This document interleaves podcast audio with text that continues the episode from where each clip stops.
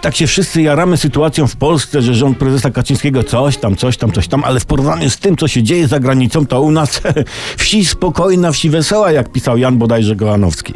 Taką informację przekazała brytyjska prasa. Otóż w związku z oskarżeniami Brytyjczyków, że Rosjanie otruli byłego szpiega Siergieja Skripala, który kapował dla Angolii, prezydent Władimir Putin boi się, że jego ktoś otruje.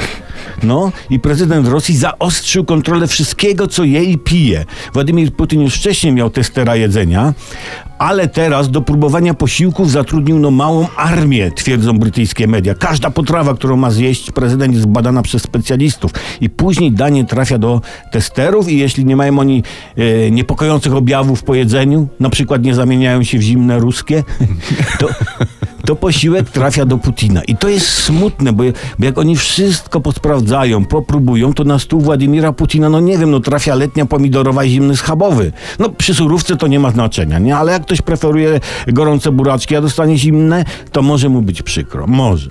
I tester może po mordzie zarobić. Ale i szczególnie, słuchajcie, uważnie obserwowani są testerzy alkoholi, nie?